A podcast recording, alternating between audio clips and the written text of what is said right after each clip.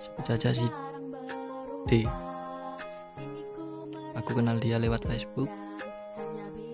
Itu itu dia bikin status lagunya Endang Sekamti yang audisi. Itu dia bikin status kemudian aku komen. Terus dia balas komenanku. Gak pakai lama aku inbox dia. Aku inbox kemudian chatting-chatting chatting-chatting dapat nomor HP-nya terus SMS -an.